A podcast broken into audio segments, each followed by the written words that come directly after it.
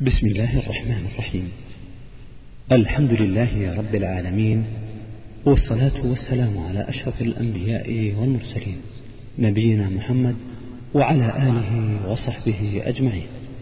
أيها الأحبة في الله يسر إخوانكم في تسجيلات الراية الإسلامية بالرياض أن يقدموا لكم دروس الدورة الحادية عشرة والتي أقيمت بجامع شيخ الإسلام ابن تيمية بمدينة الرياض وذلك في الفترة من الأول إلى الثالث عشر من شهر جمادى الأولى لعام ألف وأربعمائة وخمسة وعشرين من الهجرة النبوية. ومع المجموعة الثانية من شرح نظم اللؤلؤ المكنون في أحوال الأسانيد والمتون لحافظ الحكم رحمه الله تعالى. والذي قام بشرحه فضيلة الشيخ الدكتور عبد الكريم ابن عبد الله الخضير. سائلين الله عز وجل أن ينفع المسلمين بهذه الدروس وأن يجزي الشيخ خير الجزاء. السلام عليكم ورحمة الله وبركاته.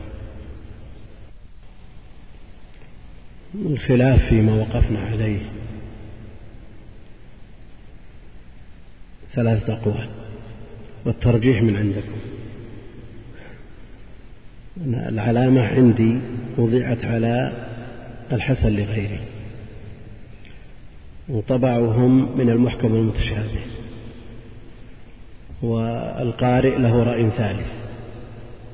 فلا شك أن الأخوان مقيدين إلى الموقف. كان مقيد شو أحد مقيد ولا ما قيد نحتاج إلى مرجح.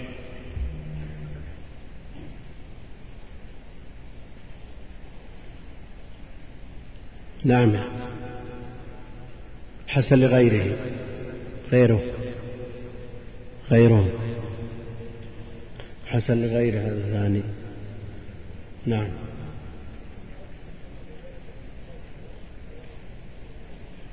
ومن حيث التقسيم بيسبق ذكره لكن الكلام من حيث التفصيل. وين؟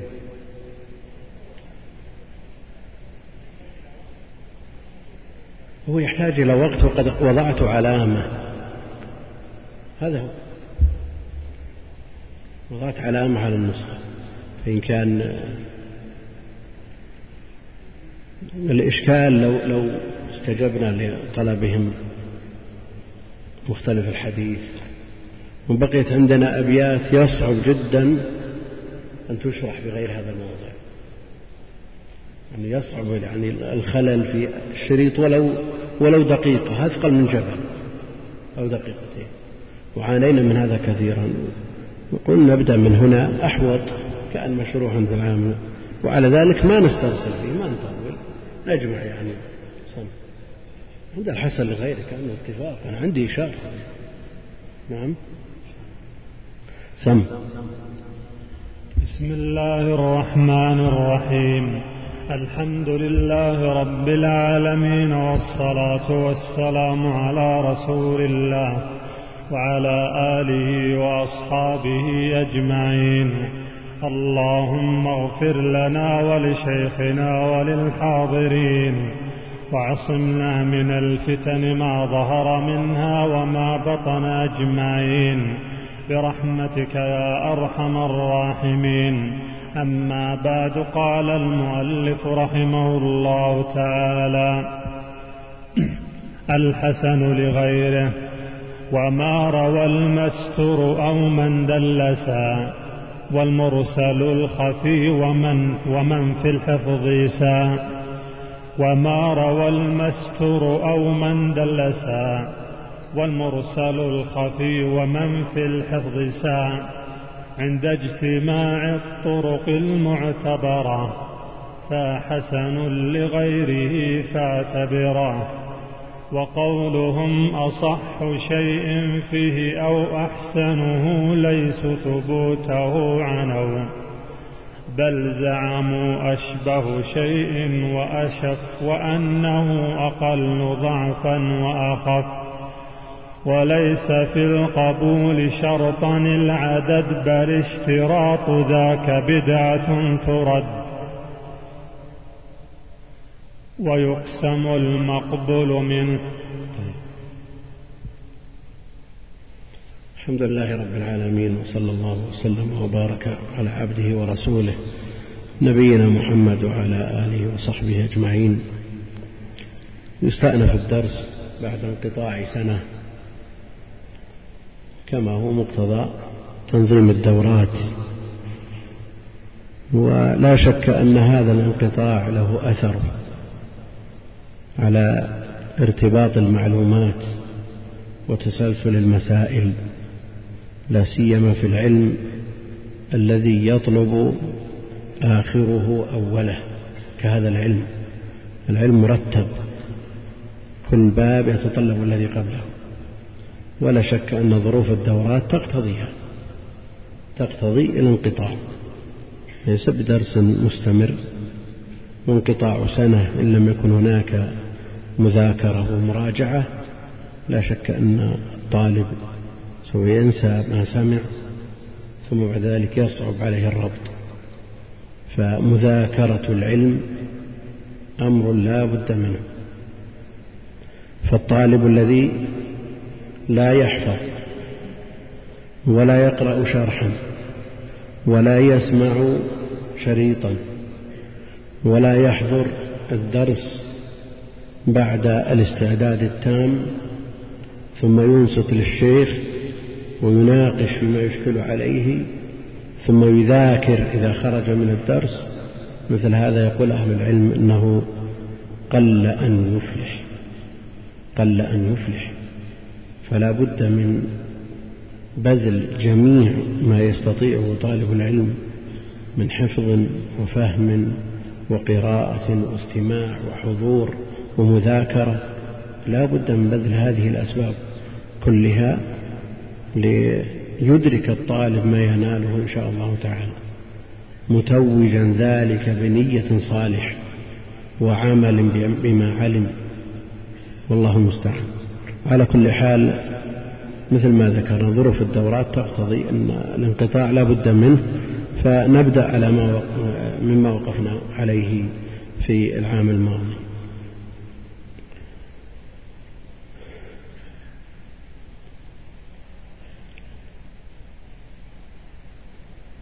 المؤلف رحمه الله تعالى يرتب المعلومات حسب القوة فبدأ بالصحيح ثم ثنى بالحسن.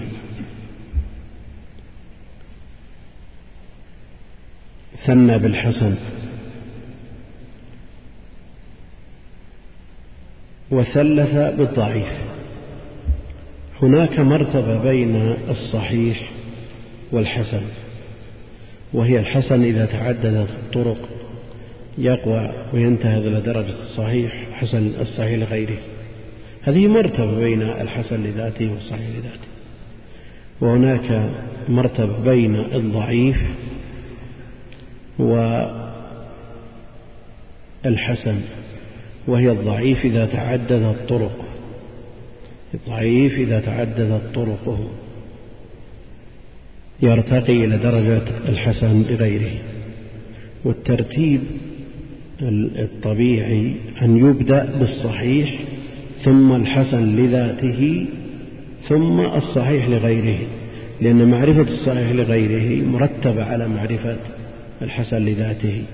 ثم بعد ذلك الضعيف ثم الحسن لغيره لأن معرفة الحسن لغيره متطلبة لمعرفة الضعيف ومرتب عليه لأنه هو الضعيف إذا تعددت الطرق. هنا يقول في الحسن لغيره وما روى المستور أو من دلس المستور يطلقه أهل العلم بإزاء المجهول. مجهول يساوي مستور والمجهول بأقسامه عند أهل العلم الثلاثة مجهول الحال ظاهرا وباطنا مجهول الحال باطنا فقط ومجهول العين. منهم من يقول إن المستور هو المجهول باقسامه الثلاث. ومنهم من يقصره ويخصه بمجهول العدالة باطنا وإن كان معلوم العدالة ظاهرا وهو الذي يحتاج فيه إلى أقوال المزكين. هذا هو المستور. إذا روى المستور بأن لم تعرف حاله باطنا وإن كان عدلا في الظاهر مثل هذا لا بد من أن يأتي حديثه من طريق آخر من طريق معتبر يساوي هذا الطريق أو يكون فوقه بحيث لا ينزل عنه. وعرفنا فيما تقدم في بحث العدالة أنه هل المطلوب العدالة الظاهرة تكفي؟ بناء على أن الأصل في المسلم الستر وأن إنما كلفنا بالعمل بالظاهر أو أنه لا بد من معرفة آه، عدالته الباطنة وحينئذ يلجأ إلى أقوال المزكين الخلاف تقدم ذكره واختار الثاني جمع من أهل العلم حيث لا تقبل شهادة من جهلت عدالته باطنا إلا بالتزكية. وإن كان القول الأول مختار عند جمع من أهل التحقيق لأننا لم نكلف البحث في البواطن لنا الظاهر والباطن له الله جل وعلا. وما روى المستور أو من دلس المدلس المدلس والتدليس بحث مستقل. تدليس بحث مستقل نوع من أنواع المدلس الحديث المدلس نوع من أنواع الضعيف. وعلى كل حال التدليس إظهار الحديث على وجه يخفى فيه عيبه. فالمدلس الذي يظهر الحديث على وجه لا عيب فيه. كالذي يظهر السلعة على وجه لا عيب فيه يسمى مدلس. وخيار التدليس كما تعرفون عند أهل العلم يقولون كتسويد شعر الجارية وجمع ماء الرحى وما أشبه ذلك. المقصود أنه إظهار السلعة على وجه لا عيب فيه يسمى تدليس وهو في الحقيقة غش والتدليس غش. على كل حال التدليس إذا روى الراوي عمن سمع منه ما لم يسمعه منه بصيغة موهمة. يروي الراوي عمن سمع منه ما لم يسمعه منه بصيغة موهمة يكون قد دلس أو يروي عمن لقيه ما لم يسمعه منه أيضا هذا ضرب من التدليس. وأما رواية المعاصر عمن لم يلقه هذا هو الإرسال الخفي عند أهل العلم وسيأتي تفصيل ذلك إن شاء الله تعالى. الذي يدلس ويروي الحديث عمن لم يسمعه منه بصيغة موهمة كعن مثلا أو قال أو أن فلانا هذا صيغ موهمة. إذا روى المدلس وليس فيه عيب سوى التدليس. أما من ضعف بأمر آخر غير التدليس شأنه آخر. فحديث المستور وحديث المدلس والمرسل الخفي هو مثل التدليس إلا أنه يفترق عنه بأن راوي المرسل الخفي قد ثبتت له معاصرة من روى عنه ولم يثبت لقاؤه له. هذا مرسل خفي. والمرسل الخفي ومن في الحفظ ساء. يعني سيء الحفظ سيء الحفظ بمعنى أنه إذا كان سبب التضعيف في الخبر انقطاع يسير أو ضعف محتمل في الراوي كسيء الحفظ والمستور أو انقطاع يسير كالتدليس ضعف انقطاع محتمل ليس بنص. أو الإرسال الخفي فإنه ينجبر بغيره إذا جاء ما يشهد له من طريق صحابي آخر أو يتابعه على روايته عن ذلك الصحابي فإنه يرتقي إلى درجة الحسن لغيره. وما روى المستور أو من دلس والمرسل الخفي ومن في الحفظ ساء وحذفت الهمزة ساء للوزن عند اجتماع الطرق المعتبرة عند اجتماع الطرق بحيث يرد من طريقين فأكثر. بحيث يرد الخبر من طريقين فأكثر شريطة أن تكون هذه الطرق معتبرة. معتبرة. يعني لا يكون ضعفها شديدا. لأن الضعف الشديد لا يقبل الانجبار. أما الضعف اليسير يقبل الانجبار عند أهل العلم وهذه أمثلته عند اجتماع الطرق المعتبرة. ومن أهل العلم من تجده من حيث التقعيد يقول بهذا الكلام لكن إذا جاء التطبيق تجده يجبر الأحاديث بما ضعفه شديد. بما ضعفه شديد. وهذا يسلكه السيوطي. بل صرح فيه بألفيته بعد أن ذكر الضعف الشديد قال وربما يكون كالذي بدي. يعني به بدي بها أولا من الضعف الخفيف بحيث يحتاج إليه عند الترقية.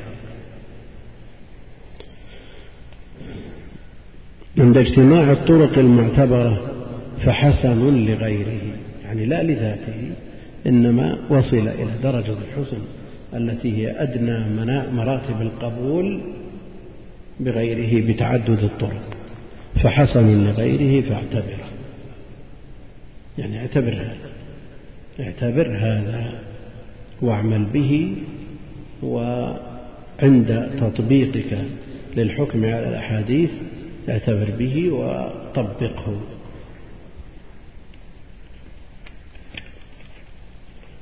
وقولهم أصح شيء فيه أو أحسنه ليسوا ثبوته عنه بل زعموا أشبه شيء وأشف وأنه أقل ضعفا وأخف.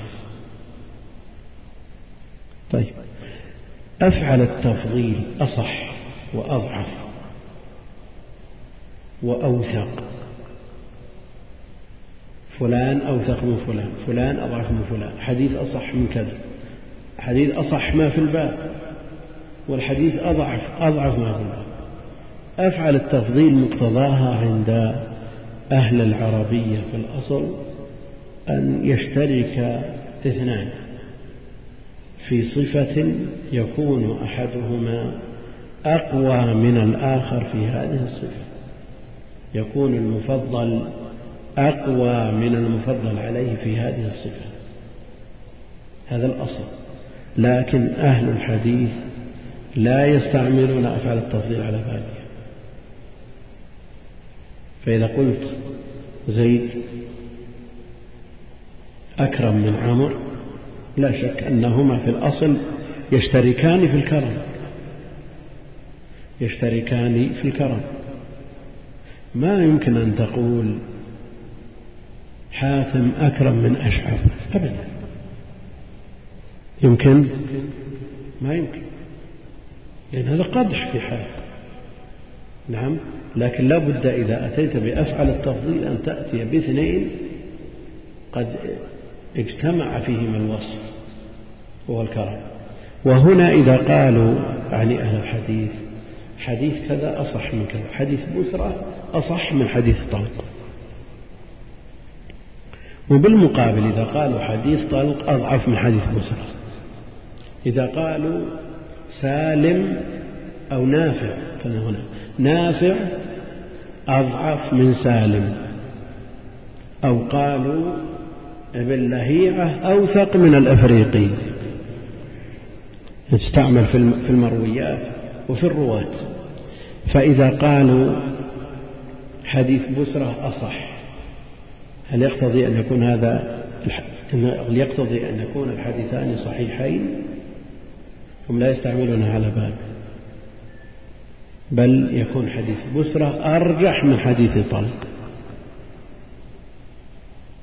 نعم لا يقتضي التصحيح هنا كما أنهم إذا قالوا حديث طلق أضعف من حديث بسرة لا يقتضي أن الحديثان أن الحديثين ضعيفان. أبدا لا يلزم من هذا هذا. بل هم يستعملون أفعل التفضيل لا على بابها هم يستعملونها الآن في الترجيح لكن استعمالهم إياها للترجيح مع عدم ملاحظة أصل المادة. فقد يكون الحديثان ضعيفين ويقال هذا أرجح أصح من هذا يعني أنه أرجح. وقد يكون الحديثان قد يكون الحديثان صحيحين ويقال هذا أضعف بمعنى أنه أنزل منه درجة فهو مرجوع بالنسبة إليه. ومثله إذا قلنا نافع أضعف من سالم. هل يقتضي هذا تضعيف سالم ونافع أبدا. بل هما في أعلى درجات القبول. لكن الأكثر على أن سالم أجل من نافع. سالم أجل من نافع. وعلى هذا إذا نظرنا إلى ناحية الضعف قلنا نافع أضعف من سالم وهذا لا تقتضي التضعيف كما أننا إذا قلنا الأفريقي أو أو ابن لهيعة ابن لهيعة أوثق من الإفريقي لا يعني أن الراويين ثقتان. فهما يستعملونها على غير بابها ولذا قال وقولهم أصح شيء فيه أو أحسنه ليسوا ثبوته عنه بل زعموا أشبه شيء. يعني أرجح. أشبه شيء وأشف. إيش معنى أشف؟ نعم. جاءت في حديث الربا. نعم. ولا تشفه. نعم. يعني لا ترجح ولا تزيد بعضها على بعض.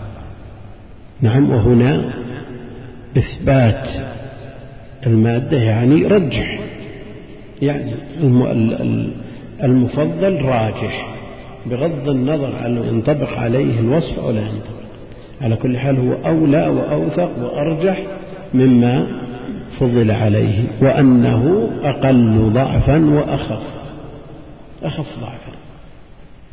أقل ضعفا وأخف.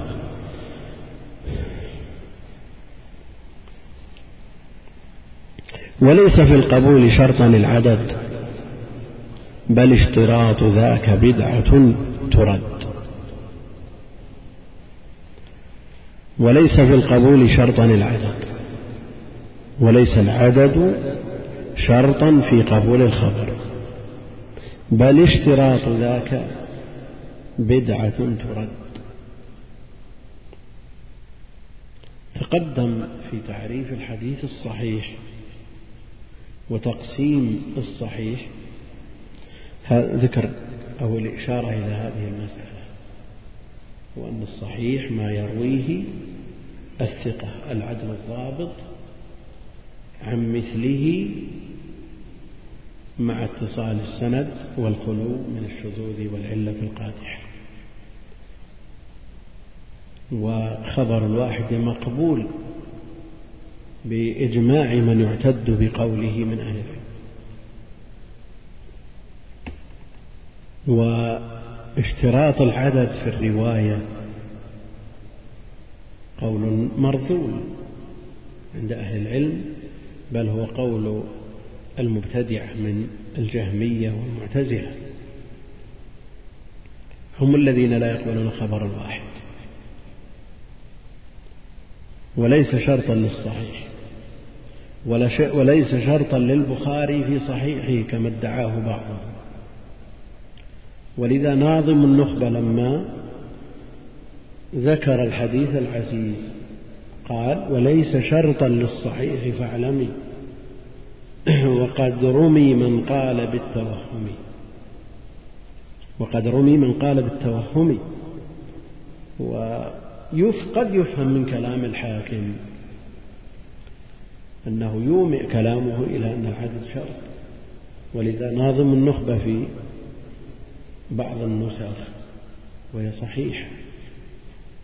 يقول وليس شرطا للصحيح فاعلمي وقيل شرط وهو قول الحاكم. ليس بشرط للصحيح أصلا لقبول الحديث وليس بشرط للبخاري في صحيحه. خلافا لما يزعمه بعضهم. البيهقي يومئ كلامه في بعض المواضع أنه لا بد من العدد. الكرماني شارح البخاري في مواضع عديدة كرر أن العدد شرط البخاري في صحيح. ابن العربي المالكي في تحفة الأحوذي ابن العربي في تحفة الأحوذي في حديث البحر. في أوائل الكتاب. قال لما نقل عن البخاري أنه صحح الحديث قال ولم يخرجه في صحيحه لأنه من رواية واحد عن واحد. فيفهم من كلامه أن شرطه في كتابه أنه لا يخرج رواية واحد عن واحد إنما يشترط العدد وهذا الكلام ليس بصحيح. وسبقت الإشارة إلى أن أول حديث في الصحيح وآخر حديث في الصحيح يرد هذه الدعوة. حديث عمر حديث الأعمال بالنيات. يرد هذه الدعوة وينقضها ويقوض دعائمه. حديث عمر لم يروه عن النبي عليه الصلاة والسلام إلا عمر بن الخطاب. وعمر بن الخطاب خطب به على المنبر. ولم يثبت عنه إلا من طريق علقمة بن وقاص الليثي وعلقمة لم يثبت عنه إلا من طريق محمد بن إبراهيم التيمي ولم يثبت عنه إلا من طريق يحيى بن سعيد الأنصاري وعنه انتشر. هذا أول حديث في الصحيح يبطل هذه الدعوة. آخر حديث في الصحيح حديث أبي هريرة. كلمتان خفيفتان على اللسان ثقيلتان في الميزان حبيبتان إلى الرحمن. سبحان الله وبحمده سبحان الله العظيم لم يثبت عن النبي عليه الصلاة والسلام إلا عن أبي هريرة ولم يثبت عنه إلا عن أبي زرعة بن عمرو بن جرير البجلي ولم يثبت عنه إلا من طريق عمارة بن القعقاع ولم يثبت عنه إلا من طريق محمد بن فضيل وعنه انتشر. فهذان من أفراد الصحيح ومن غرائب الصحيح. والصحيح في الصحيحان فيهما غرائب. هي ترد هذه هذه الدعوة.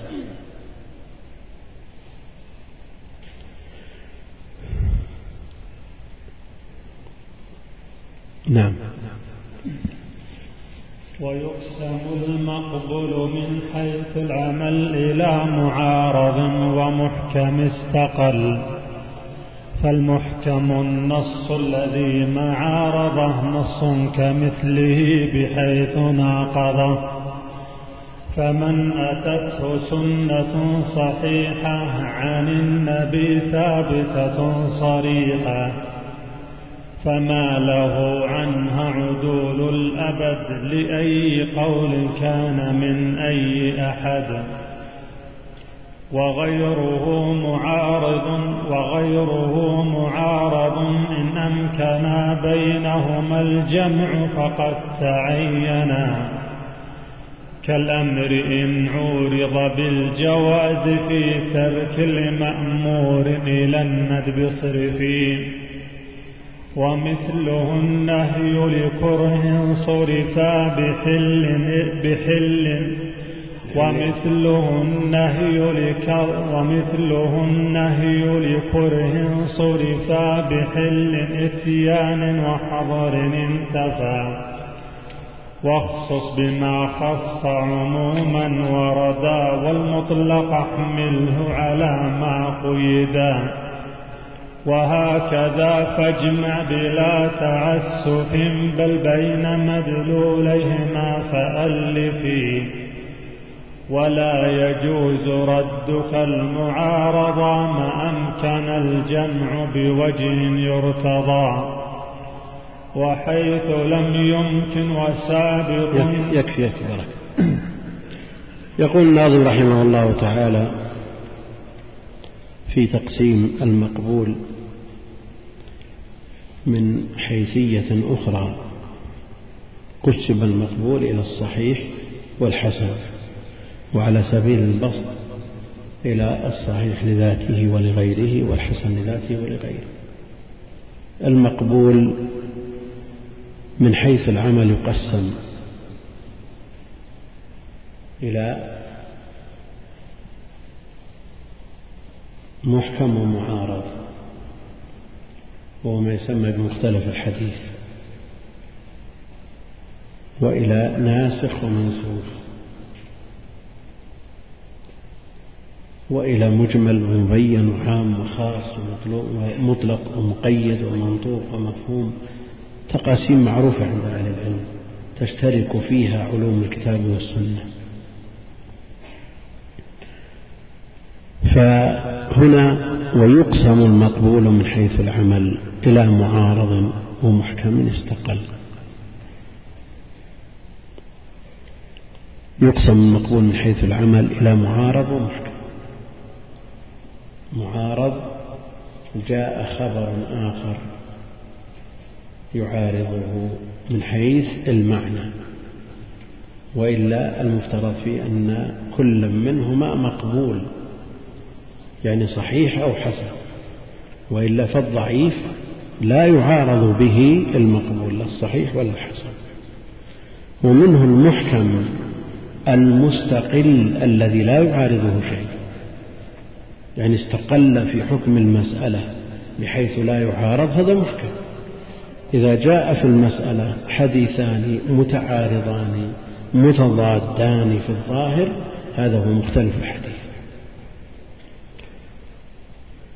فالمحكم النص الذي ما عارضه نص كمثله بحيث ناقض فالمحكم النص الذي ما عارض الذي لم يرد في المسألة ما يعارضه من حيث المعنى. ما عارضه نص كمثله يعني في القبول. وعلى هذا فالضعيف لا يعارض به المقبول لا الصحيح ولا الحسن. كمثله بحيث ناقضه ناقضه في المعنى. ناقضه في المعنى.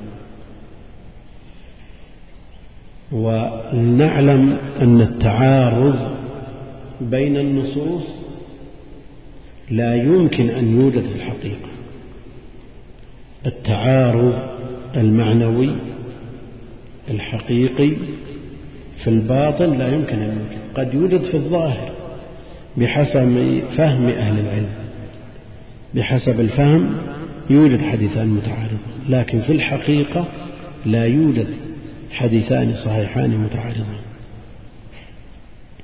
ولذا يقول ابن خزيمة إمام الأئمة لا يوجد حديثان صحيحان متعارضان. فمن كان عنده فليأتني لأؤلف بينهما. ابن خزيمة اشتهر في هذا الباب. ونقل عنه أمور كثيرة في هذا الصدد. وتراجم الأبواب في صحيحه فيها شيء من هذا جمع بين الرواية المختلفة. وهذه ميزة كتابه.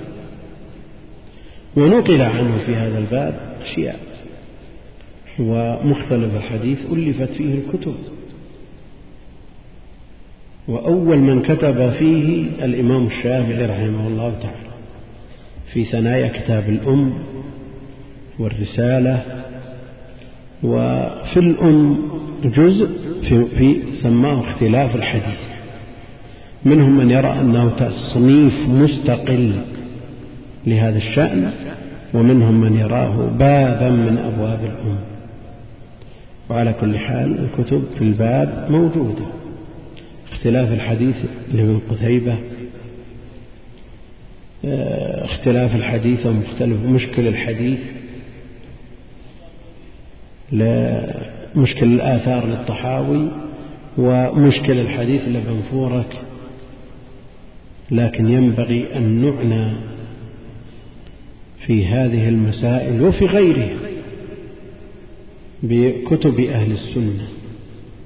فإذا أشكل عليك حديث معارض لحديث آخر ترجع إلى مشكل الحديث لبن فورك وهو لا يسلم من شوب البدعة قد يجمع بين النصوص من وجهة نظره فلنكن على حذر من هذا ولتكن عنايتنا بالأئمة أهل التحقيق. ابن خزيمة رحمه الله تعالى مع أنه عرف في هذا الباب ونقل عنه أشياء إلا أنه ليس بالمعصوم من الخطأ. حكم على حديث ثوبان حكم على الحديث لا يؤمن ولا يؤمن رجل قوما فيخص نفسه بدعوة دونهم هذا حديث حسن. ولا يؤمن عبد قوما فيخص نفسه بدعوة دونهم.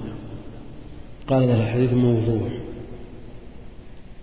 هذا حديث موضوع. لماذا؟ قال لأنه معارض بما ثبت في الصحيحين من قوله عليه الصلاة والسلام اللهم باعد بيني وبين خطاياي ويقول عليه الصلاة والسلام بين سير رب اغفر لي رب اغفر لي. فهذه الأحاديث الصحيحة معارضة لها إذن هو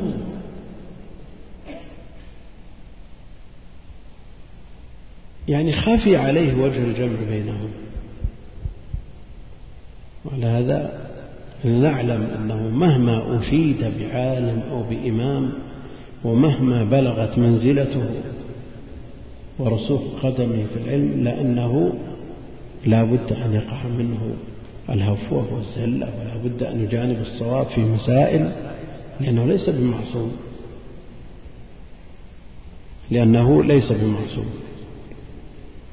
وهذا مثل ما سمعتم إمام الأئمة خفي عليه مثل هذا.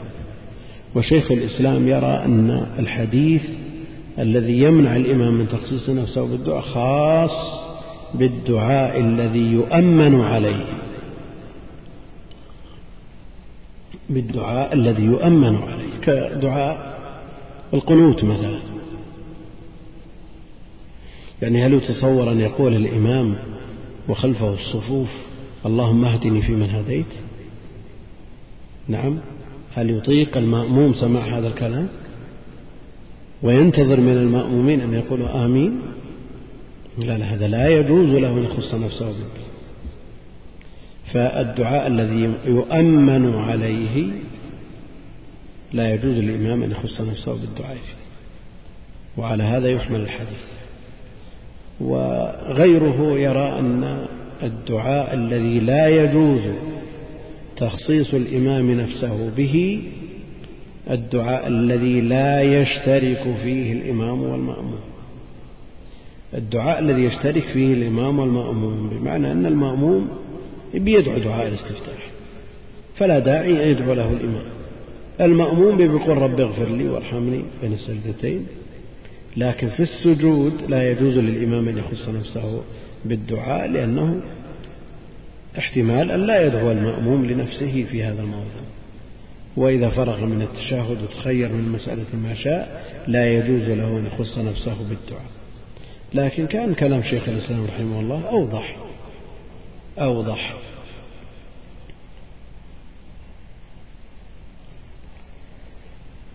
إذا وجدنا حديثين متعارضين متضادين في الظاهر وإلا في الباطل لا يمكن أن يثبت حديثان متعارضان في الباطل.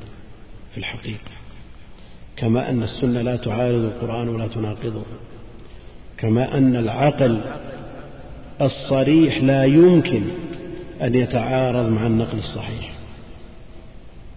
لا يمكن بحال أن يتعارض العقل الصريح مع النقل الصحيح كما قرر ذلك شيخ الإسلام ابن تيمية في كتابه العظيم درء تعارض العقل والنقل. لكن الفهوم والعقول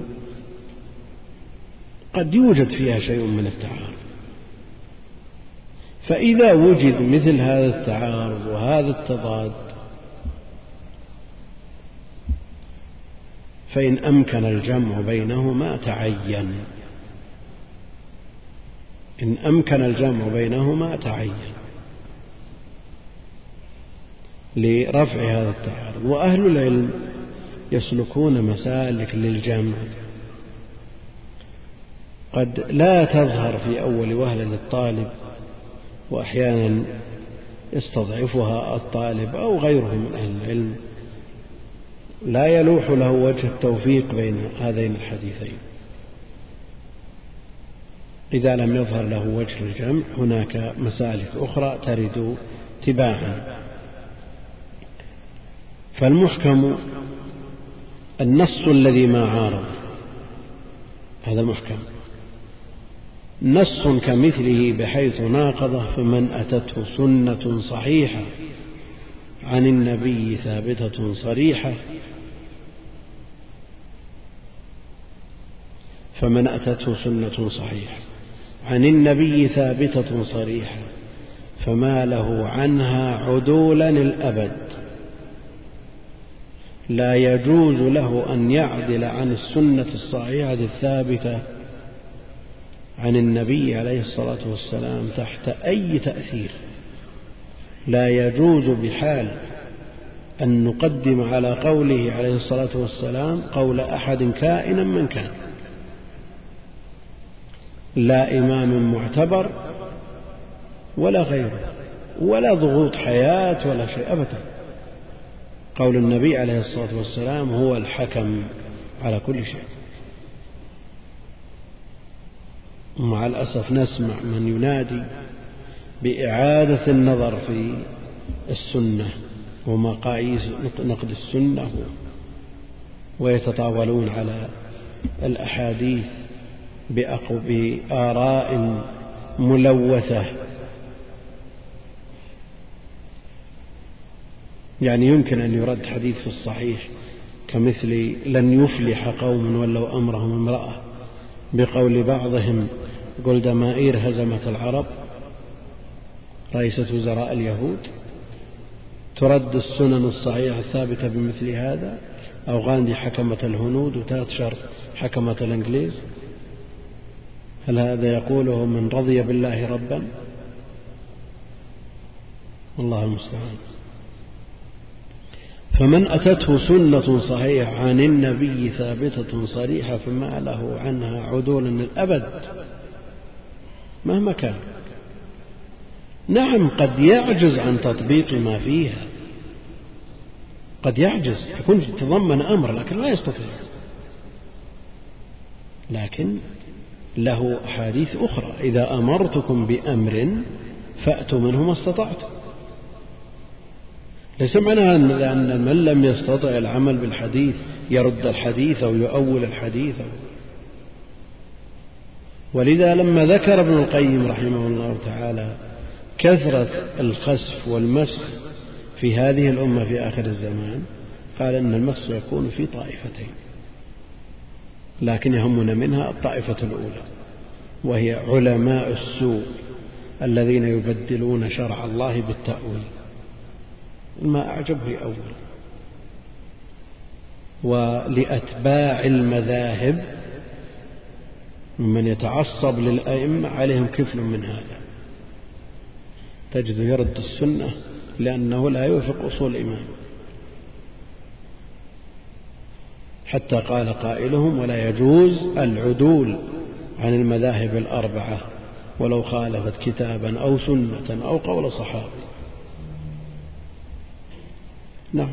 هذا وجه. من بعض من يتسمى بالعلم لكنه في الحقيقة ليس من أهل العلم.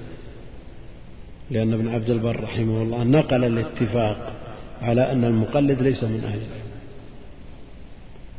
ولا يجوز العدول عن عن أقوال الأئمة الأربعة ولو خالفت كتابا أو سنة أو قول الصحابة ثم زاد الطين بلة بعد أراد أن يوضح فزاد الأمر سوءا.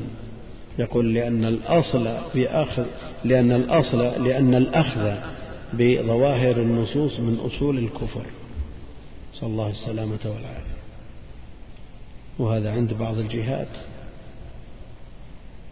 كتبه تدرس. تدرس في بعض المذاهب والله المستعان.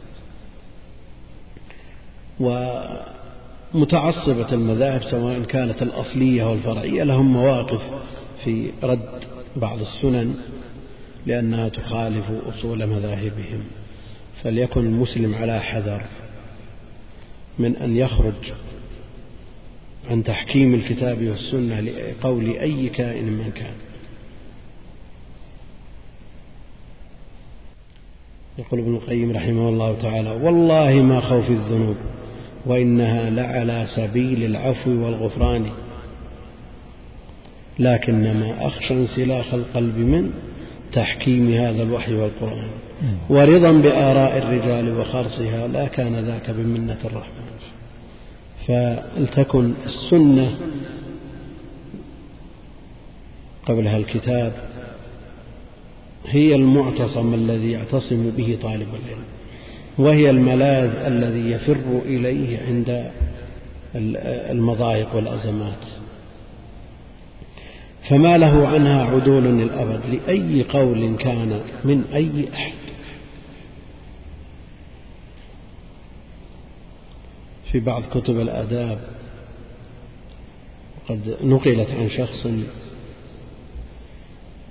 في بعض كتب الآداب تقول إذا كان رد السلام يذهب هيبة العالم أو هيبة القاضي أو كذا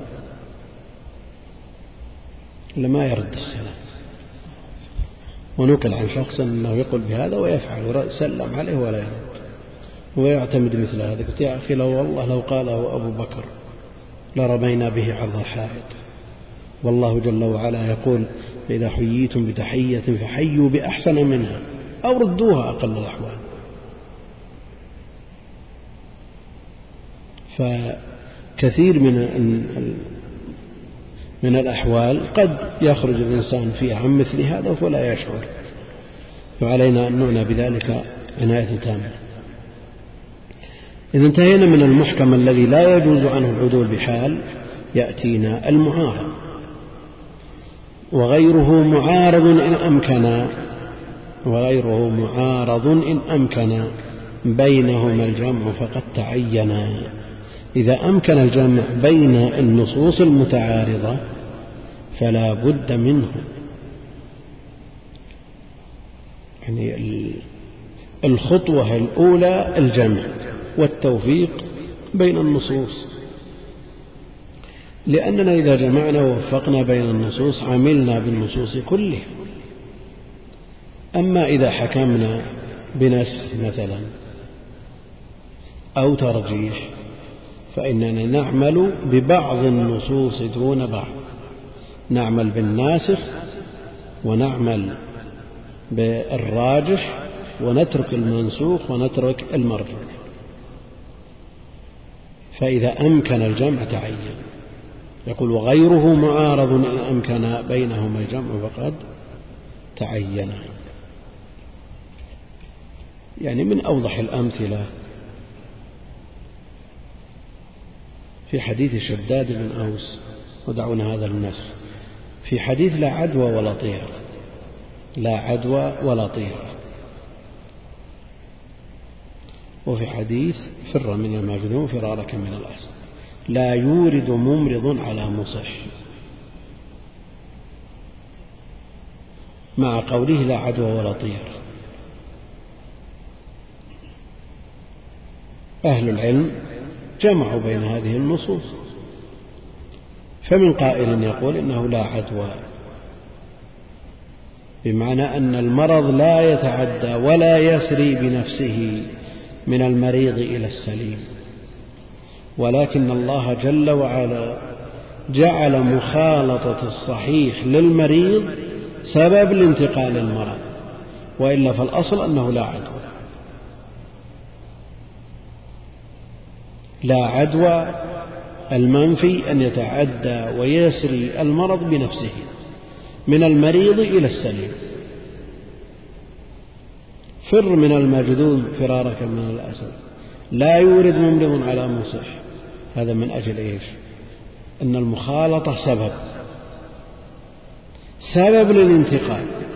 لا يعني أن المرض بنفسه ينتقل لكن المخالطة سبب والمسبب هو الله جل وعلا.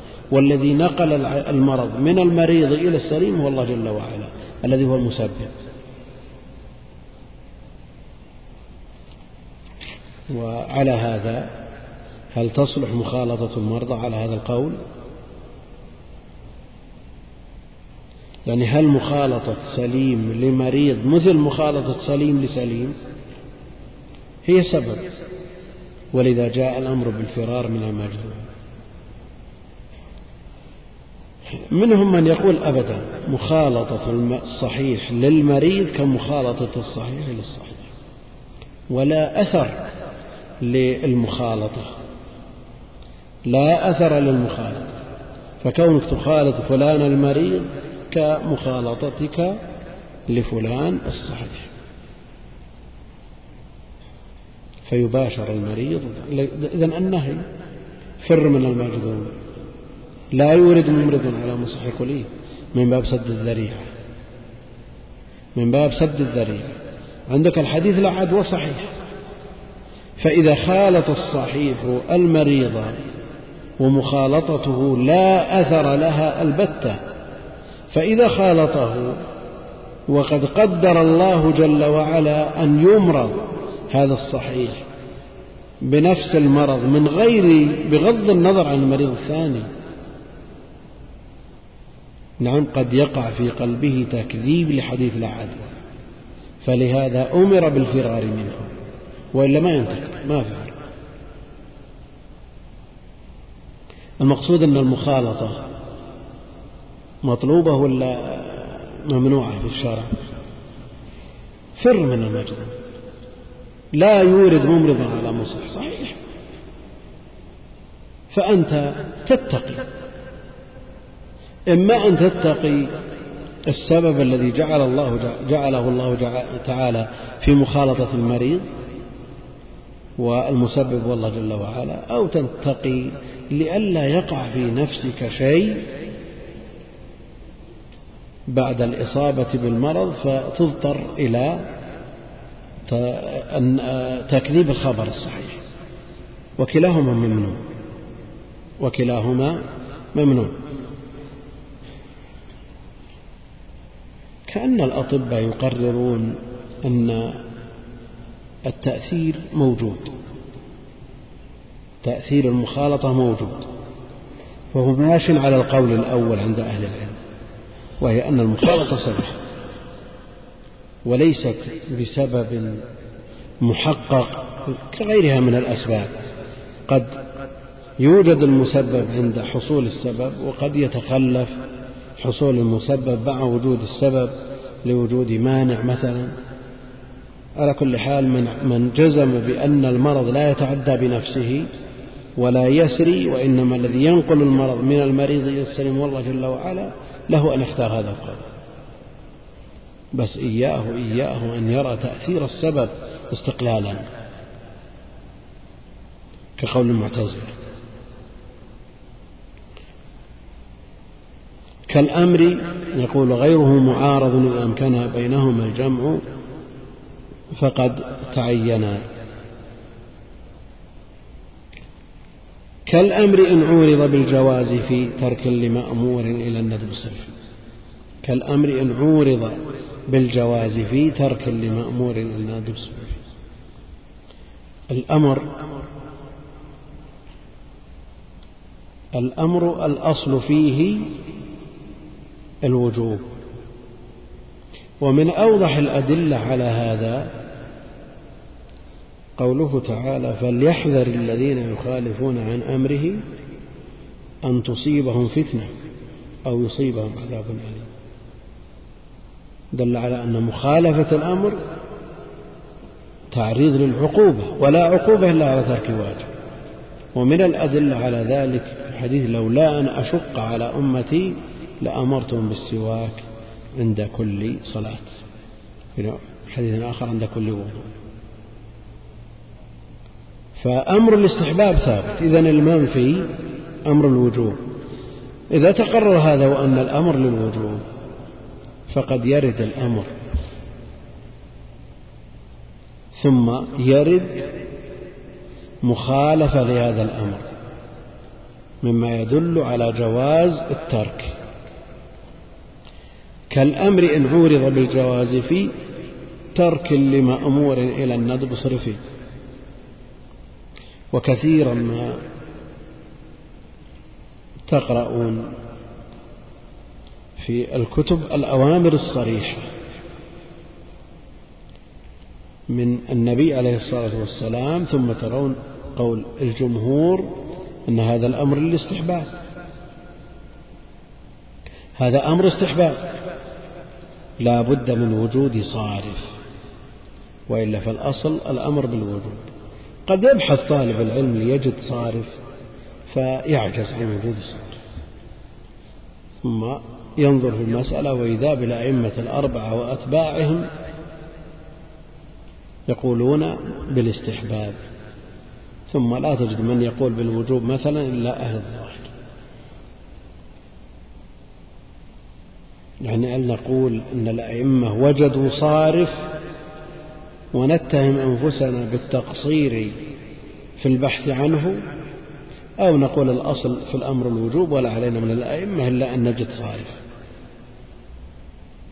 نعم لو وجد إجماع على أن الأمر للاستحباب قلنا يوجد صارف ولو لم يقف عليه. كما أنه إذا أجمعوا على نسخ حكم قلنا يوجد ناسخ ولو لم نقف عليه. كما سيأتي. لو حصل إجماع قلنا أن الأمر للاستحباب وقطعا يوجد صارف ولو لم يقف عليه. نعم. وجدنا الظاهري يقولون بالوجوب. أو من العلماء المتأخرين مثلا. الصنعاني الشوكاني الذين لهم عناية بالعمل بالسنة مع تركهم لقواعد أهل العلم أحيانا. يعني هم يعملون بالقواعد العامة لكن إذا جاءت قواعد خاصة تجدهم يتمسكون بالأصل. يتفقون على أن الأمر للوجوب ثم ما تجد قائل بالوجوب إلا, إلا ظاهرية أو الشوكاني أو الصنعاني. وأحيانا الشيخ محمد بن عثيمين رحمه الله تعالى قد تجد له قول بالوجوب لأن النص دل على الوجوب والأئمة كلهم قالوا بالاستحباب. فهل نعتمد قول الأئمة وأتباعهم ونتهم أنفسنا أو نقول الأصل في الأمر الوجوب ونعمل به حتى نجد صارف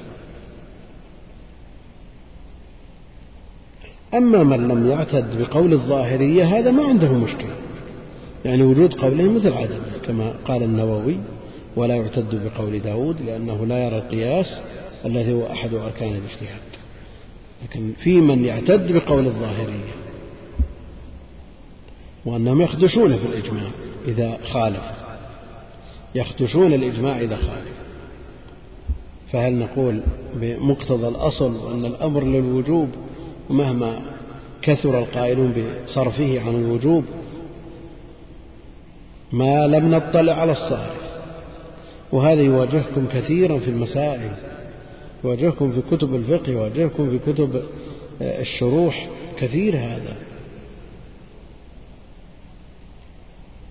ماذا نقول؟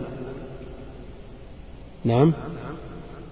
الوجوب يعني على الأصل ولو قال الأئمة الأربعة كلهم بأتباعهم إلى يومنا هذا خلال 12 قرن أو أكثر كلهم قالوا بالاستحباب في كتبهم كلها التي تداولها الناس ملايين آلاف الملايين تداولوها وقالوا بالاستحباب ولا واحد منهم خالف نعم. ما وجدنا صحيح. بحثنا بكل الكتب اللي بين يدينا ما وجدنا. يعني نقول بقول الظاهرية ولا نتهم أنفسنا أن يمكن الصالح في كتب ما وصلت إلينا يمكن إحنا قصرنا في البحث ولا؟ نعم.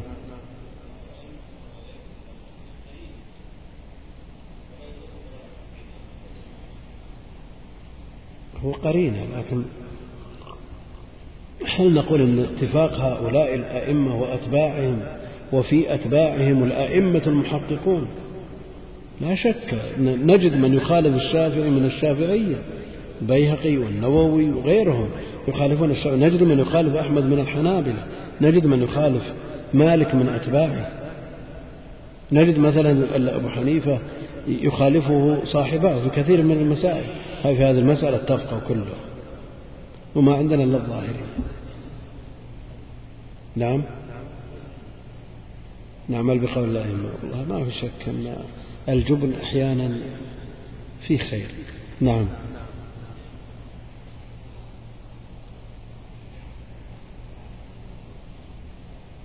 لا ما هو بإجماع. يعني المن... الذي لا يعتد بقول الظاهري يقول إجماع. وينقل النووي الإجماع كثيرا والظاهري يقولهم معروف. الأصل الدليل. واتهام النفس أيضا له نصيب. وتجده في كثير من هذه المضايق. نعم. تجد من أهل العلم وطلاب العلم فيهم الجريء. ولا عليهم من الأئمة ولا أتباعهم عندك نص خلاص. ما لحد ينكر فيهم الجريء. نعم. يعني تجد شيخ الإسلام مثلا ومن مثل شيخ الإسلام. الرسول عليه الصلاة والسلام يقول أحابس تناهي وشيخ الإسلام يقول لا تحبس الرفقة هناك أهل العلم والإمامة في الغالب لا تكون إلا بهذا. يعني إذا وضع الدليل نصب عينيه ولم يلتفت إلى أحد. لكن لابد من الإحاطة والاطلاع والمعرفة والفهم والحفظ. من جرأة فارغة من لا شيء. كي يفتح الباب للطلاب على ما سيأتي في تحذير الشيخ رحمه الله تعالى من القول على الله بغير علم. ما يفتح المجال مثل هذا ولذلك تجدون المخالفين في كثير من القضايا تجدهم أهل الجرأة. وهم الذين ينبغون وتحفظ أقوالهم وينالون الإمامة في الغالب أنا سألت الشيخ عبد العزيز رحمه الله تعالى عن هذه المسألة لأن تواجه بكثرة يعني يحز في النفس أننا كم عشنا؟ 12 قرن بعد الأئمة. وما خالف في هذه المسألة ما وقفنا على أقوال قال الحق في الدليل والخالفه من خالف ومع ذلك لا تجدون الشيخ رحمه الله له أقوال يخالف فيها الأئمة إلا القليل النادر. القليل النادر.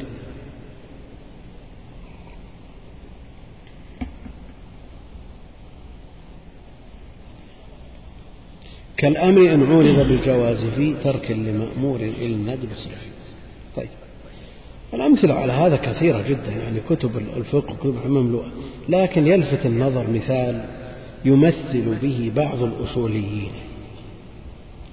لمثل هذه المسألة. يمثلون بحديث غسل الجمعة واجب على كل محترم. غسل الجمعة واجب على كل محترم. هذا يدل على وجوب الغسل. جاء حديث من اغتسل من توضأ يوم الجمعة فبها ونعمة ومن اغتسل والغسل أفضل. يدل على جواز على أن الوضوء يكفي. عثمان رضي الله عنه لما دخل وعمر رضي الله تعالى عنه يخطب ذكر أنه لم يغتسل إنما توضأ. نعم قال والوضوء أيضا. الصوارف كثيرة لكن أقول هل مثل هذا يصلح مثال ولا ما يصلح؟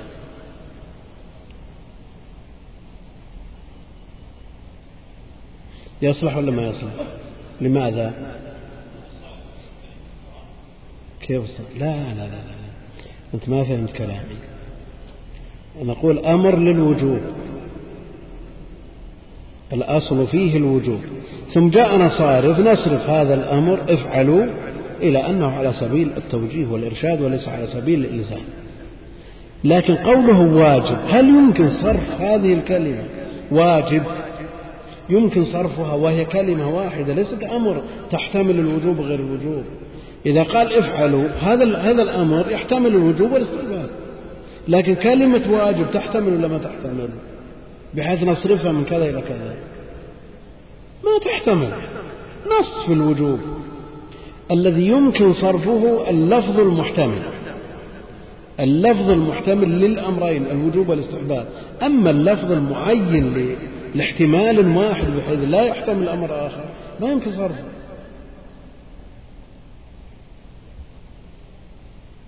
إلا إذا بحثنا في معنى الكلمة وهو معنى الوجوب. وإذا قلنا أن معنى الوجوب في الحديث ليس معناه الوجوب الاصطلاحي فيكون الحديث من الأصل ما يدل على الوجوب فليس بحاجة إلى صرف. بدي الأخوان ينتبهون لمثل هذا. لأن هذه من دقائق العلم. يمثلون وتواطؤون على التمثيل بهذا في كتب الأصول كثير حتى في كتب آه، علوم الحديث وغيرها. لكن الكلام فيما إذا ورد صارف لنص يحتمل أمرين يحتمل الوجوب وعدم نعم. إذا قال افعل الأمر الأصل فيه الوجوب ويحتمل أن يكون للاستحباب. نعم. الأمر الأصل فيه الوجوب والاحتمال الثاني أن يكون للاستحباب لكن لا بد لمخالفة الأصل من صارف يصرف من الوجوب إلى الاستحباب. هنا اللفظ الواحد الذي لا يحتمل يعني إذا حملناه على الوجوب من الأصل ما في صرف نص في الموضوع. نعم. نص في الموضوع. يعني إذا قيل لك مثلا الشرب قائما حرام ثم نقول النبي عليه الصلاة والسلام ثبت عنه أنه شرب قائما. هل نقول أن كلمة حرام هذه انصرفت من التحريم إلى الكراهة؟ يمكن صرفها وهي كلمة لا تحتمل. ما تحتمل إلا التحريم. لكن النهي عن الشرب قائما يحتمل النهي أن يكون للتحريم وأن يكون للكراهة فجاء ما يصرفه ظاهر ولا مو ظاهر؟ إذا بحثنا في دلالة الكلمة التي هي الواجب هل كلمة واجب في أصل الشرع في النصوص هي التي تعنيها هذه الكلمة في اصطلاح العلماء؟ يعني في لغة العرب إذا قيل حقك واجب عليك لو أنت من أبعد الناس تقول لشخص كبير والله حقك واجب عليك هل معنى هذا أنك تأثم إذا ما أديت شيء من حقوقه؟ يعني نظرنا إلى الحقائق الشرعية مع الحقائق العرفية الاصطلاحية نجد فيها شيء من التباين. وبهذا تنفك الجهة. إذا أقسم لك واحد أنه عمره كله ما شاف جمل أصفر. تقول يا أخي كذب القرآن كأنها جمال بصفر تقول له هذا كلام يقسم بالله العظيم أنه ما رأى جمل أصفر. ومراده بالأصفر. الأصفر المتعارف عليها الآن. وين الأصفر؟ شوف الكتاب هذا اللي فيه. شوف خلف الكتاب أو خلف الإعلان. هذا الأصفر. هذا الكتاب اللي معه. خلفه أصفر. في جمل بهذا اللون؟ لا لا خلفه فاض هذا الواضح هذا؟ في جمل بهذا اللون؟ ما في إلا كان اللي يجيب اللون لكن لو قال مثلا أنا عمري كله ما رأيت جمل أصفر يقول يا أخي أنت وقعت في أمر عظيم. القرآن يقول كأنها جمالة الصف اختلاف الحقائق العرفية مع الحقائق الشرعية في مندوح هذا هذا فلينتبه له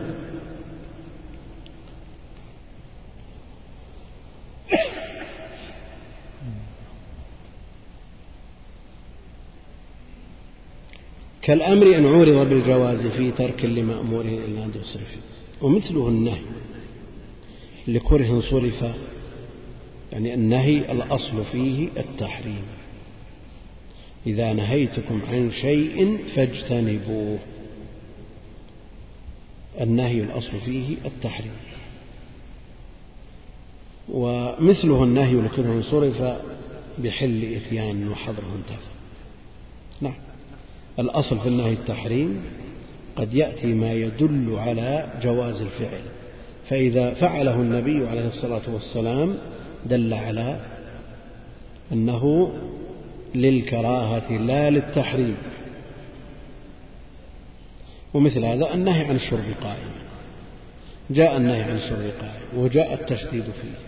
من شرب, من شرب قائما فل فليقف. نعم. ثم ثبت عنه عليه الصلاة والسلام أنه شرب قائما فدل على أن النهي للكراهة لا للتحريم فهذا صالح. الأصل أن أن نهيه مع شربه فيه تعارض في تعارض ولا ما في تعارض؟ فيه تعارض في الظاهر لكن وجه الجمع بينهما أن النهي يحمل على التنزيه للتحريم والفعل يدل على الجواز وقل مثل هذا في الأمر.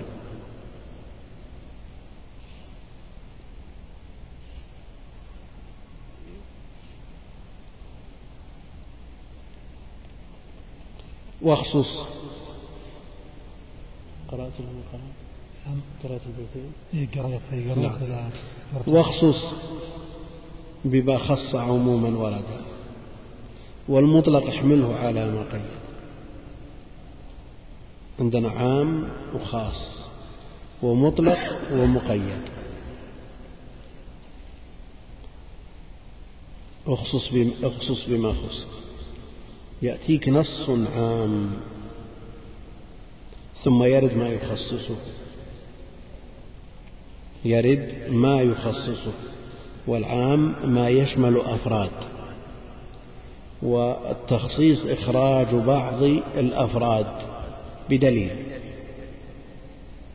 والمطلق ما يشمل أوصاف والتقييد تقليل لهذه الأوصاف.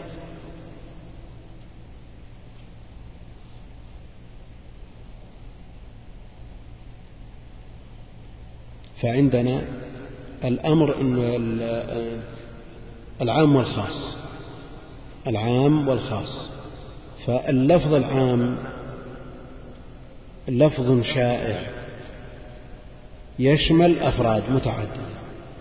ثم إذا جاء نص خاص ببعض الأفراد فلا يخلو إما أن يكون الحكم أعني حكم الخاص موافق لحكم العام.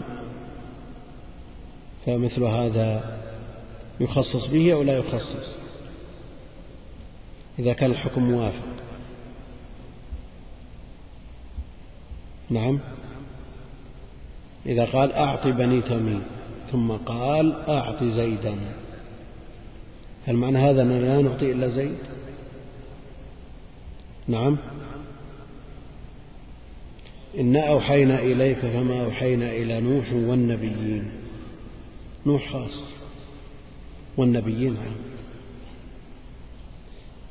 فالحكم واحد موافق للحكم العام وهو في مثل هذه الصورة لا يخص به ولا يقصر عليه وإنما يذكر الخاص للاهتمام بشأنه والعناية به.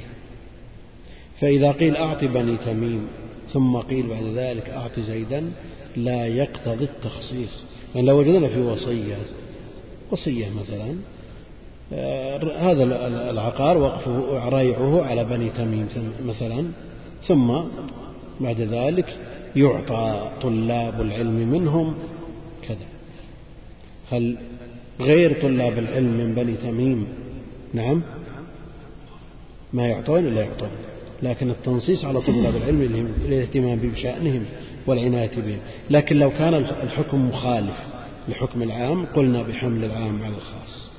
بحمل العام على الخاص. فلو قيل مثلا أعطي بني تميم ثم قيل لا تعطي.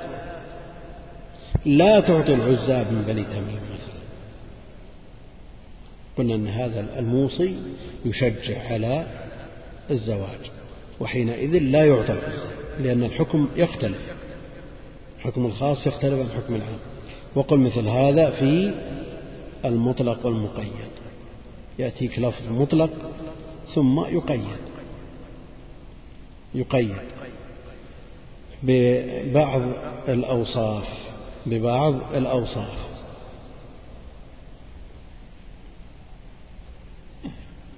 والمطلق احمله على ما قيده وهذا من أوجه الجمع فلا يبطل النص بالكلية وإن كان رفع لبعض أفراده بهذه الطريقة ببعض بعض أفراد العام يرفع بالمخصص. وبعض أوصاف المطلق ترفع بالقيد الذي يذكر في النص المقيد. لكن قد يعترينا أمور تشكل علينا مع هذا. يكون التعارض من أكثر من وجه. إما أن يكون التعارض وجهي بين النصين. يكون التعارض وجهي بمعنى أنه هذا يكون أعم من وجه وأخص من وجه والثاني أعم من وجه وأخص من وجه في كما في مسألة فعل ذوات الأسباب في أوقات النهي وهذه مسألة بسطت كثيرا في مناسبات كثيرة. لكن قد يكون التعارض من وجه آخر. عندك عام وخاص. نعم. لكن العام منطوق والخاص مفهوم. هذا له وجه قوة وله وجه ضعف وهذا له وجه قوة ووجه ضعف.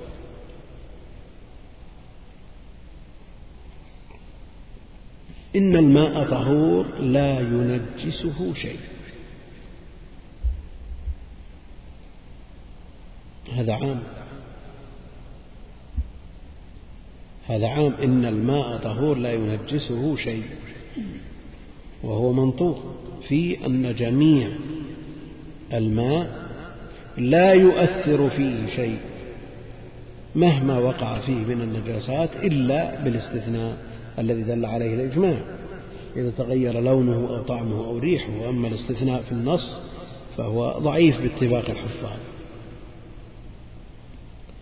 هذا المنطوق بعمومه بعمومه هو عام. هذا المنطوق بعمومه معارض بمفهوم خاص. حديث القلتين حديث القلتين. إذا بلغ الماء قلتين لم يحمل الخبث عند من يصححه؟ عند من يصححه؟ منطوقه أنه إذا بلغ الماء قلتين فأكثر أنه لا يتأثر. فمنطوقه موافق لحديث أبي سعيد إن الماء طهور لا ينجسه شيء. لكن مفهومه نعم. مفهومه أنه إذا لم يبلغ القلتين أنه يحمل الخبث ولو لم يتغير. وهذا المفهوم مخالف لمنطوق حديث أبي سعيد وهو وإن كان المفهوم خاصا والمنطوق عاما نعم إلا أنه فيه معارضة. فهل يقدم منطوق حديث أبي سعيد على مفهوم حديث آه، ابن عمر في القلتين أو يقدم الخاص وإن كان وإن كان خصوصه بالمفهوم نعم على عموم حديث أبي سعيد وإن كانت دلالته بالعموم. فما الذي يقدم؟ يعني مسألة عام وخاصة مرة سهل يعني ما تشكل على على أحد الطلاب. العموم والخصوص الوجهي ضربنا له أمثلة وأظن الإخوان ملوا الكلام فيه. نعم في مناسبات كثيرة. لكن يبقى مثل هذا. نعم.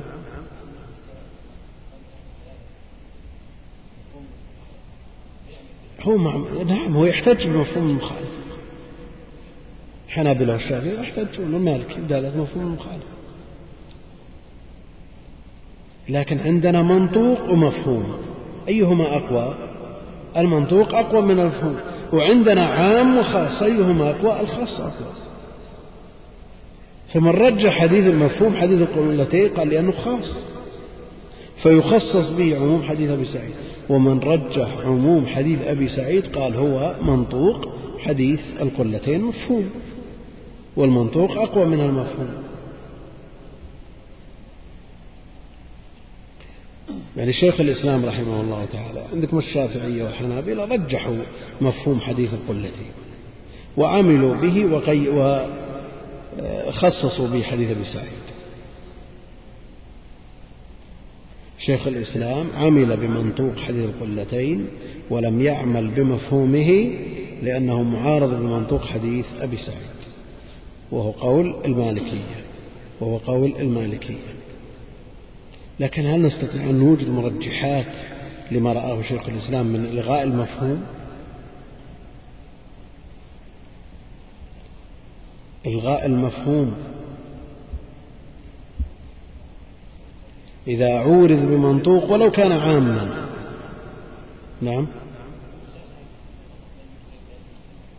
كلهم أئمة مجتهدون أئمة مجتهدون. مش عندك مالك والشافعي وأحمد وأبو حنيفة أئمة كبار. نعم. كيف؟ الأصل أن المفهوم معتبر. المفهوم معتبر لكن إذا عورض بمنطوق أقوى منه نعم يلغى. يلغى. مثلا في قوله جل وعلا استغفر لهم أو لا تستغفر لهم. إن تستغفر لهم سبعين مرة فلن يغفر لهم.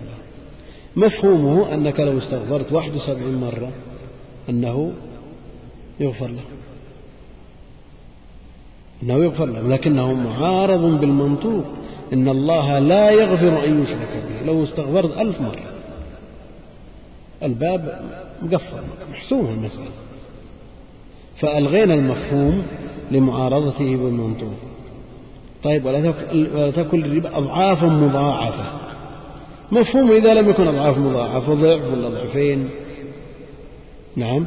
يعني الألف بألف وخمسمائة ما في ضعف نعم. مفهوم الآية أنه يجوز لكنه معارض بمنطوقات كثيرة تدل على أن الربا حرام مهما قلت نسبته. فإذا عورض المفهوم بمنطوق فإنه حينئذ يلغى المفهوم وحينئذ يكون الكلام لا مفهوم له لا مفهوم له.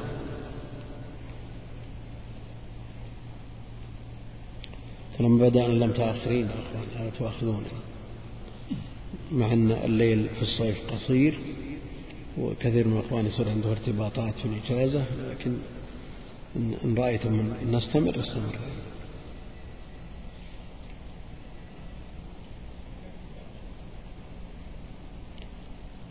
يعني نقف على الناس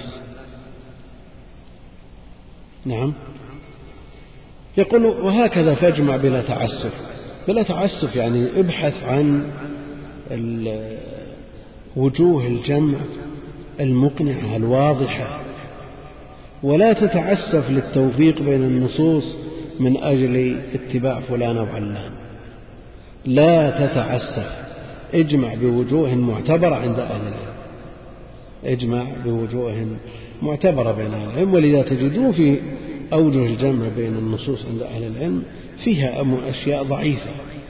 تجد بعض الأتباع لا بد أن يوجد. وجه للجمع وإن لم يكن وجها وجيها ولذا قال وهكذا فاجمع بلا تعسف بل بين مدلوليهما فألفي. بالمناسبة الأتباع أتباع المذاهب يتعاملون مع نصوص أئمتهم كتعاملهم مع نصوص الكتاب والسنة. يجمعون بين أقوالهم. إذا كان للإمام أكثر من قول في المسألة. لا بد أن يوجدوا جمع مخرج ولو بحمل عام على خاص أو مطلق على مقيد. فكلامهم بالنص ما هو بافتيات فإن لم يوجد وجه الجمع نظرنا المتقدم والمتأخر وإلا فأقربهم من أصوله وقواعده. يقولون مثل هذا كذا وهكذا فاجمع بلا تعسف بل بين مدلوليهما فألفي بعض الناس يريد أن يجمع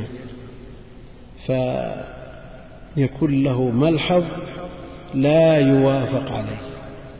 ملحظ لا يدل عليه الخبر وهو يريد بذلك أن يوجد مبرر لالتزامه بمذهبه وقد يند الفهم. قد يكون قصده الحق لكن يخطئ. كل من أراد الحق وقصده يصيبه.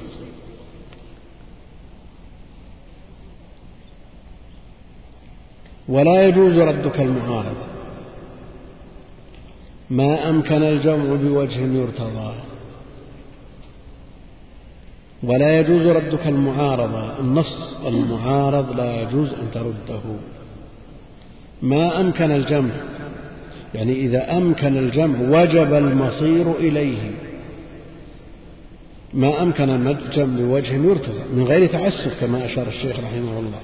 فإذا أمكن الجمع بوجه ظاهر يدل عليه الخبر فيتعين حينئذ ويجب المصير إليه لأن في الجمع عملا بين بالنصين. لأن في الجمع عملا بالنصين. وأما حمل العام على الخاص فيه إخراج لبعض الأفراد حمل المطلق على المقيد فيه إخراج لبعض الأوصاف القول بالنسخ ترك آه، التخصيص والتقييد في نسخ جزئي والنسخ رفع كلي للحكم. فعلى كل حال الجمع إذا أمكن من غير تعسف وجب المصير إليه. أنت وقفت على هذا؟ لا لا نقف عليه. نعم. الدرس مقرر ساعة ونصف بحيث لا نمل الإخوان ولا ولا مثل ما ذكرنا قصير ومسافات بعيدة. ونقف على هذا إن شاء الله.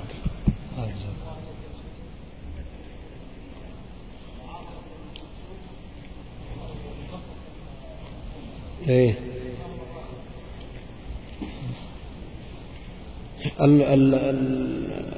المفهوم ضعيف. المفهوم ضعيف والمنطوق أقوى منه بلا شك. يبقى عندنا مسألة العام والخاص. لا شك أن الخاص أقوى من العام لكن النصوص التي أوردناها من المسائل التي يتفق أهل العلم على تخصيص نعم على عدم التخصيص بالمفهوم مثل استغفر لهم واستغفرهم مثل ربا ضعف مضاعفة يدل على أن التخصيص بالمفهوم فيه ضعف.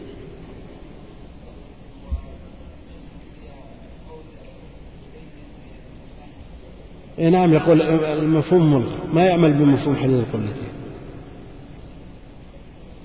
لهذا الأمر لأن المفهوم ضعيف معارض بمنطوق. فإذا عورض المفهوم بمنطوق يلغى المفهوم ويكون الكلام لا مفهوم له. اللهم صل وسلم وبارك على عبدك السلام عليكم ورحمة الله وبركاته. نقول ما أهمية علم المصطلح في هذا الزمان؟ هل له فائدة أم لا؟ أولا هذا الزمان كغيره من الأزمان التي يتناولها الحث على طلب العلم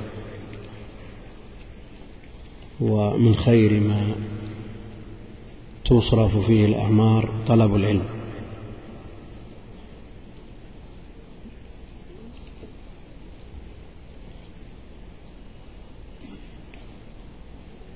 ومن أهم العلوم علم السنة بعد علم الكتاب علم السنة. والسنة لا يعرف صحيحها من ضعيفها إلا بواسطة علوم الحديث وعلم المصطلح. فهو من الأهمية بحيث لا يخفى على أحد المتعلمين. إذا كان موضوع علم المصطلح معرفة الصحيح من الضعيف المقبول من المردود مما يضاف إلى النبي عليه الصلاة والسلام الأسوة والقدوة. فكيف يتجه مثل هذا السؤال؟ نعم قد يكون قائل كثير ممن درس هذا العلم استمروا يقلدون في أحكامهم على الرواة وفي أحكامهم على الأحاديث. فإذا كان التقليد لازما لطالب العلم فلماذا يدرس؟ هذه الوسائل التي بها يدرك الصحيح والضعيف. نقول إذا رضي لنفسه بالتقليد فليرضى لنفسه أيضا بتقليد الأئمة. في الأحكام أيضا. ولماذا يدرس علم الأصول؟ ثم بعد ذلك تتسلسل الأمر إلى أن يقول أكتفي بسؤال أهل العلم وبهذا يكون عاميا. وكلامي موجه لمن يريد طلب العلم. يريد طلب العلم. بعد أن سمع من النصوص ما يحثه على ذلك ويرغبه فيه. فلا مندوحة لطالب العلم الذي عنده العزيمة على طلب العلم الشرعي لا مندوحة له من دراسة المصطلح وأصول الفقه وعلوم العربية وعلوم القرآن كل هذه مما لا بد لطالب العلم من معرفته. وهي تعين على فهم الكتاب والسنة. وهي وإن لم تكن مقاصد إلا أنها وسائل لفهم الكتاب والسنة. أيها الأحبة في الله ما تبقى من مادة هذا الشريط تتابعونها في الشريط التالي. مع تحيات إخوانكم في تسجيلات الراية الإسلامية بالرياض والسلام عليكم ورحمة الله وبركاته.